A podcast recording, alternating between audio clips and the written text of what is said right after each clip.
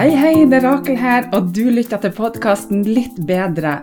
Og her får du motivasjon og inspirasjon til et litt bedre liv hver dag.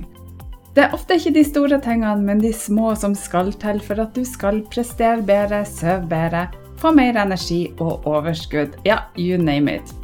Her skal du få spiselige tips som du kan bruke direkte i hverdagen.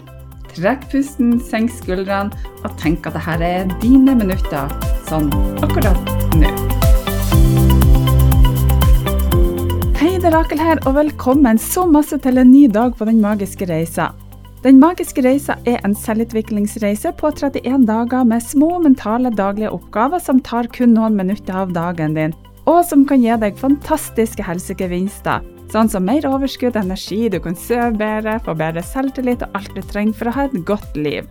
Du trenger ikke ha hørt på de andre dagene for å få godt utbytte av dagens oppgave, og du kan når som helst gå fram og tilbake til de ulike oppgavene og dagene, og du vil uansett få masse igjen for det.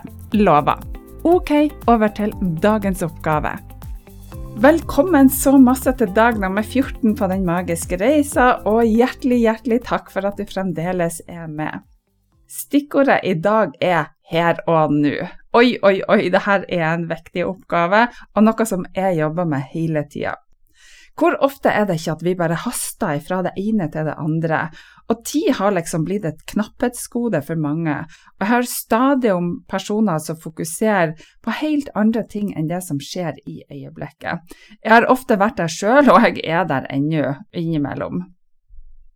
Har du opplevd at du er på jobb, og så tenker du på alle de tingene som du skal gjøre når du kommer hjem, hva du skal ha til middag, hva du skal handle inn, og hva du skal gjøre i løpet av ettermiddagen. I tillegg så har du dårlig samvittighet fordi at du kanskje ikke tilbringer nok tid sammen med ungene eller familien din. Og når du da kommer hjem igjen, så tenker du på alle de tingene som du skulle ha gjort på jobb.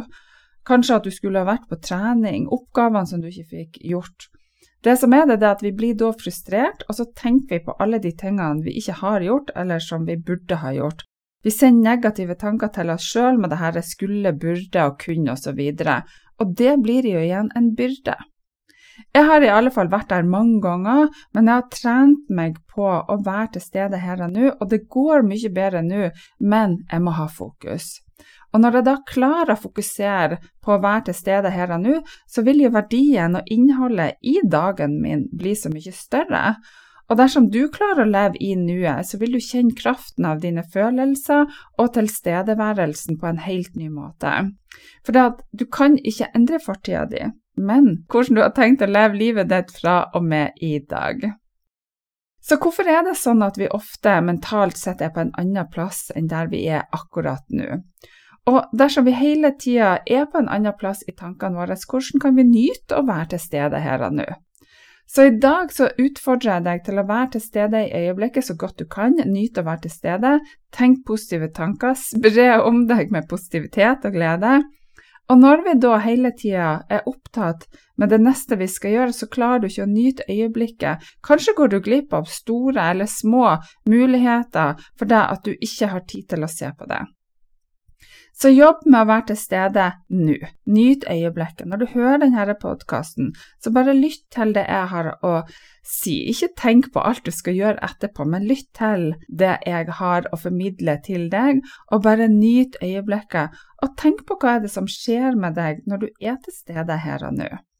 Når du lager middag i dag, så nyt å lage middagen. Nyt at du skal spise et godt måltid, og gled deg over det du gjør. Når du vasker opp ettermiddag, så kos deg over at det blir rent og fint rundt deg.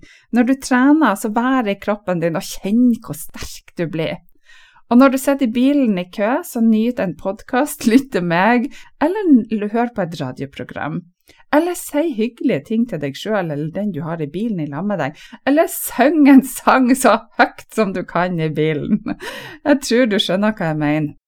Og jeg vil tro at du vil oppleve både en større glede og tilfredshet over hver eneste dag. Kanskje stressnivået ditt senker seg, kanskje kroppen din fungerer bedre, kanskje du til og med opplever at det er lettere å være positiv og glad bare ved å være til stede i nuet.